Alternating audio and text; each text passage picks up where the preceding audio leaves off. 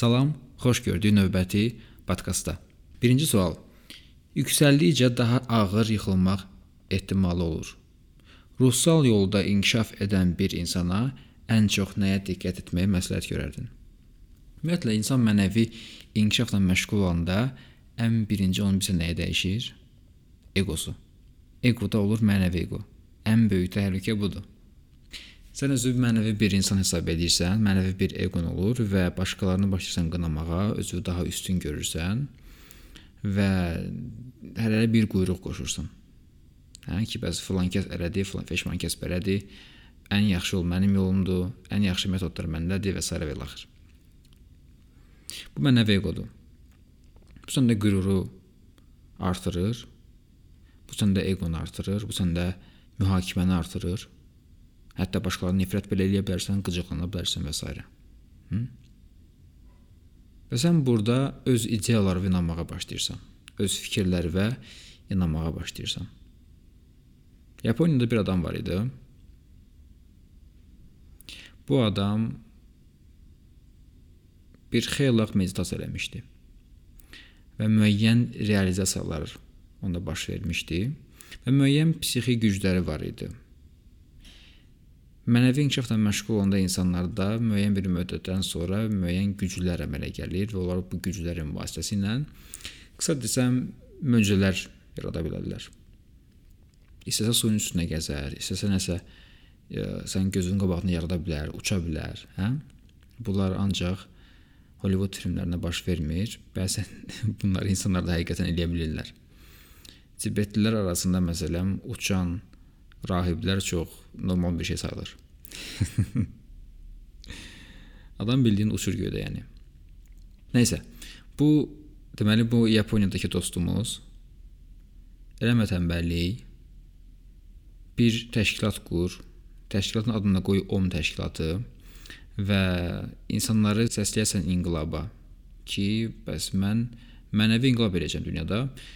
Yaponiyada və dünyada əsl budizmi bərqərar eləyəcəm və bu təşkilatın köməyi ilə bu insan başlayır öz adamlarını göndərməyə müxtəlif yerlərə və onlar başlayırlar burada terrorizmlə məşğul olmağa, insanları öldürməyə, partlatmağa, qaz bombaları və s. Təsəvvür edirsən? Budizm deyir ki, öldürmə, bu adam öldürmə deyən bir fəlsəfəni deyir mən bərqərar eləmək üçün gərək birinci öldürüm. Yəni bu sadə bir insan deyildi. Bu müəyyən realizasiyaları olmuş bir insan idi. Bu müəyyən meditasiya stajı olan bir adam idi. Və buna baxmayaraq o öz ideyalarına inanmaqdan sorğulamamışdı. Çox rahatca bu ideyalara inanmışdı ki, mən bu insanlar üçün eləyirəm. Hı? Təhlükə bu qədər ciddidir əslində.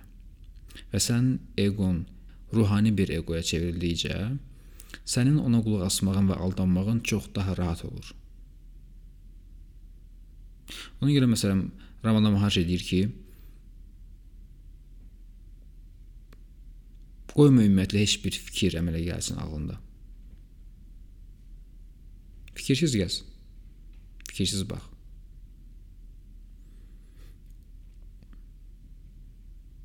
Və biz bacardığımız qədər qoymalıyıq ki, bu egoya zərbələr gəlsin.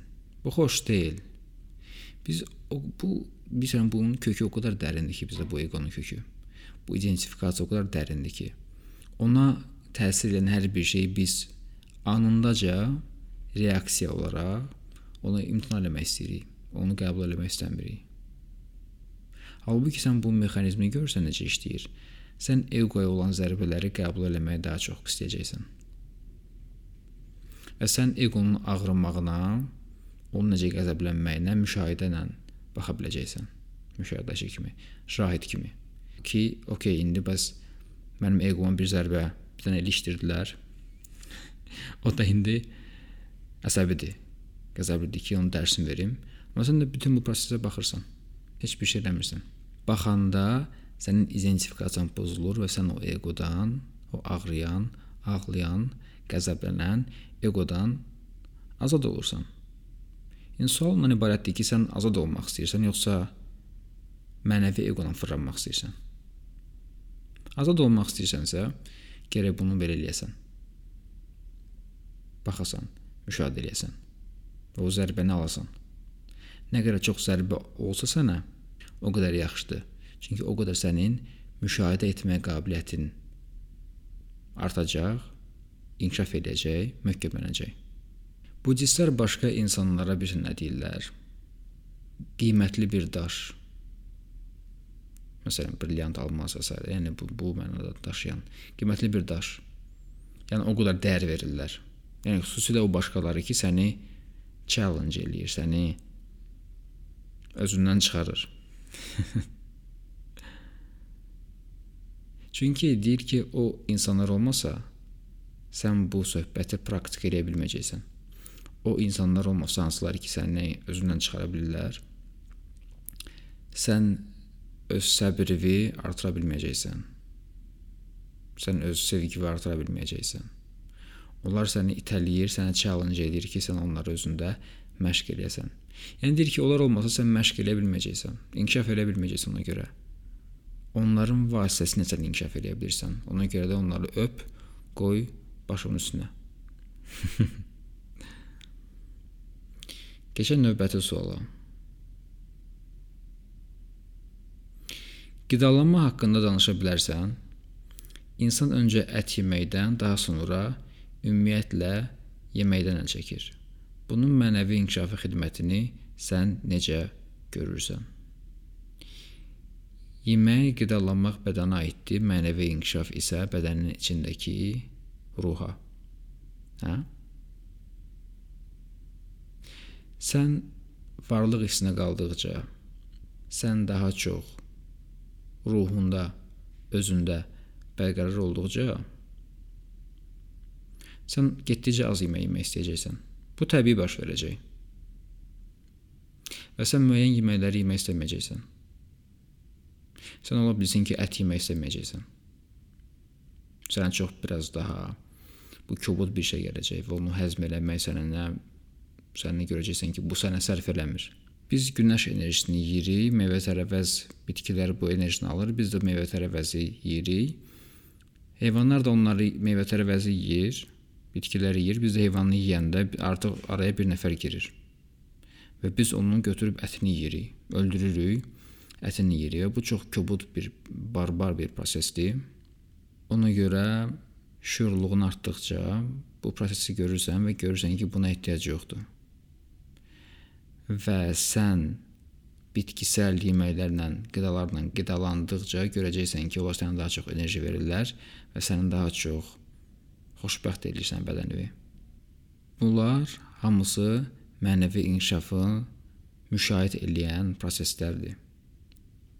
Sən məcburən öz bədənini nəyisə məcbur eləmirsən. Sənin şuurluğun artdıqca sən bilirsən ki, sən bədənə nə lazımdır. Çünki sən daha çox özünə qulaq asmağa başlayırsan, daha çox öz bədənini hiss eləməyə başlayırsan. Amma hər bir halda bu dieta məsələsini gərək biz dindarlaşdırmayaq. Və mən adamlar görürəm ki, bir-birinə qırğına çıxırlar, müharibə eləyirlər. Veganizm versus nə bilim ət yeyənlər və s. Hamı bir-birinin ipraf çıxardır. Hamı bir-birinə hücum eləyir ki, siz ət yeyirsiniz, siz nə bilim heyvanları öldürürsüz və yaxud o bir deyirlər ki, siz özünüzdən təzə şey çıxartmısınız, vegan filan. Bu ittihamlara və hücumlara ehtiyac yoxdur. Bu ancaq insanda şüurluq artanda dərk edə bilər ki, ətə ehtiyac yoxdur. Süd məhsuluna ehtiyac yoxdur. Və s. və axır. Nəyə ehtiyac yoxdursa onu görəcək və onu öz dietasından çıxardacaq. Bədəninə xoş olan şeyləri yeyəcək. Netflix-də belə bir film var. The Game Changers. Hətta orada atletlərdir, hamısı idmançılardır, professional idmançılardır.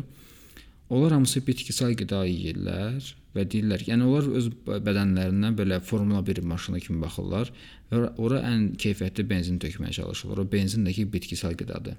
Məsələn deyir ki, biz protein istəyirik. Bu protein inəkdən almağa çalışırıq. İnəyin ətini yeyirik. Bəs bu inək özü protein hardan alır? Bitkidən. Ona görə nəyə görə deyir biz birbaşa bitkini yemirik, inəyi yeyirik? Bu inək proteini bitkidən alırsa, gərək biz də bitkini yeyək də. Bu da məntiqlidir. çox sadə. Belə də eləyirlər, görürlər ki, daha çox performans baş verir. Kişilərdə hətta ereksiya daha çox baş verir. yəni potensiya daha, daha xeyirdir bitkisel qida. Halbuki ə, ət yeyənlərə daha çox belə maskulin və kişi kimi belə baxırlar. Halbuki ət yeyənlərdə ereksiya daha az olur. Bitki yeyənlərlə müqayisədə. Hə? Belə maraqlı faktlar olur. Məsələn, o filmdə göstərirlər. Hər bir halda bu din məsələsi deyil. Bu fəlsəfi məsələ deyil. Bu bioloji məsələdir, bu bədən məsələsidir. Bu insanın öz bədəninə qulaq asmağıdır. Bunun üçün müəyyən bir şüurluluq lazımdır. Elə deyil? Bu olmasa heç kimsən inandıra bilmərsən ki, o heyvanları öldürmə və s. Çünki insanlar heyvanları düşünmür. İnsanlar heç başqa insanı düşünmür, qaldı ki, heyvanlar. Hər özünü düşünür. Gərək biz bunu bilək. biz bunu bilək və buna əsasən öz ritorikamızı, öz danışığımızı və öz təbliğatımızı quraq. Zarafat edirəm. Təbliğat falan dedim, yəni gördüm yazırsan orada. Yazma onu. Sil. Növbəti sual. Dua haqqında nə düşünürsən? Dua səncə nədir? Dua sənin ürəyin səsidir. Hı? Dua sənin ürəyin səsidir. Olub səndə belə bir şey ki, sən kimisə görmüsən və bu adamı o qədər sevmisən. Tanımırsan nə çox da. Necəsə sənin xoşuna gəlib. Necəsə sənin kumirindir, çox cooldur və yaxud çox gözəldir və yaxud çox xeyirxah bir işlə məşğuldur. Necəsə belə xoşun gəlir də bu adamla, sevirsən. Bu adamı sevirsən. Tanımırsan, sevirsən. Hələ indi çox daha rahatdır sosial mediada görürsən belə müxtəlif adamları. Müğənni ola bilər, nə bilim, show business adamı ola bilər, yazıçı ola bilər, aktivist ola bilər və s. Fərqi yoxdur. Görsən adamı çox xoşuna gəlir, çox sevirsən və istəyirsən ki, bu adam xoşbəxt olsun da. Yəni hər şeyin ən gözəli bu adamda olsun. Ürəyində belə bir şey.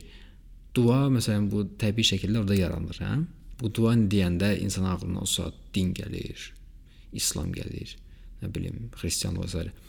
Amma halbuki bu çox təbii bir şeydir. Səndə çox təbii yaranır. Heç dinlər olmasa belə sən adamı görəndə istəyirsən ki, ürəyindən ona bir yaxşı bir söz getsin. Sən həmişə belə gözəl ol, sən həmişə belə xoşbəxt ol.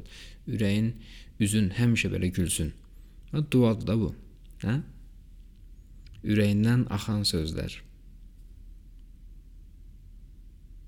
Və bizim həyatımız əslində bu keyfiyyətdə olmalıdır.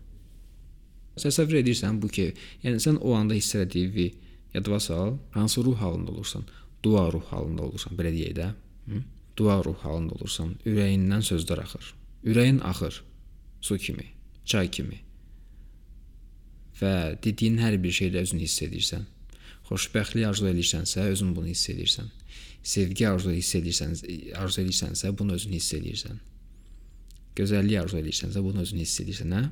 və sən bu sən ruhun qidalanır bundan. Bu bu bu hisslərdən, bu təcrübədən, bu sözlərdən. Və o ruh halını yada sal. Bu bir keyfiyyətdir. Və indi təsəvvür elə ki, sən daimi şəkildə bu dua ruh halında yaşayırsan. Bəh, bəh, bəh, bəh. Ürəyin axır həmişə. An be an bu şəkildə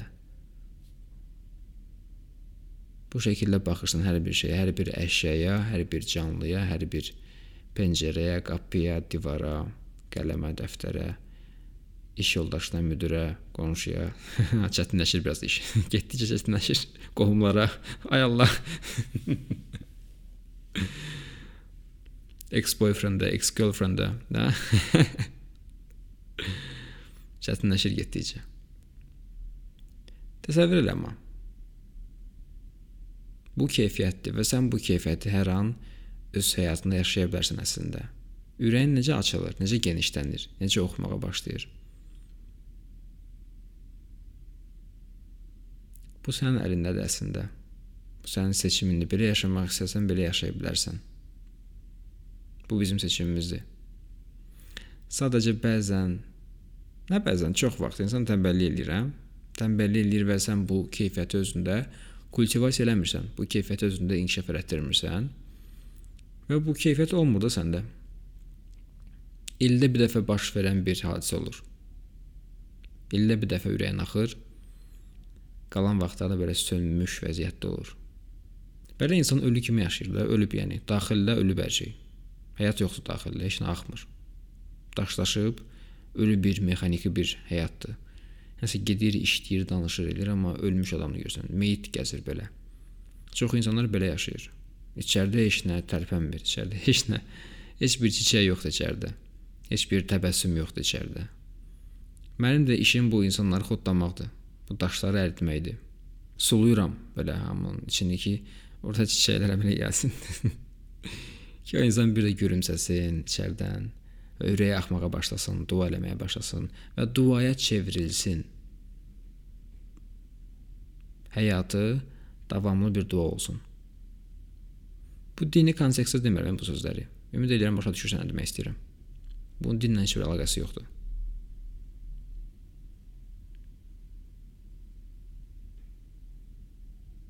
Duaya çevrilmək yəni ki, xoşbəxtliyə çevrilmək, sevincə çevrilmək, gözəlliyə çevrilmək, sevgiyə çevrilmək. Bu insan həyatına çox lazım olan bir keyfiyyətdir. Sənin ürəyin həqiqətən yaşamağa başlayır. Sənin ürəyin güclü olmağa başlayır. Sevgi güc deməkdir. Nə qədər çox sevgi təcrübə eləsən, o qədər çox güclü olacaqsan. Və sənin güclü olduqca nə olur? İmmunitet çox olur. Qəzəbə qarşı, qısqanclığa qarşı, baxıllığa qarşı, frustrasiyalara qarşı, stressə qarşı. İnsanlar bu neqativ xüsusiyyətlərlə əlləşirlər. Halbuki əslində özündə pozitiv keyfiyyətləri artırmalısan. Neqativlər özü yox olacaq və yaxud azalacaq. Balans balanslı formada qalacaq.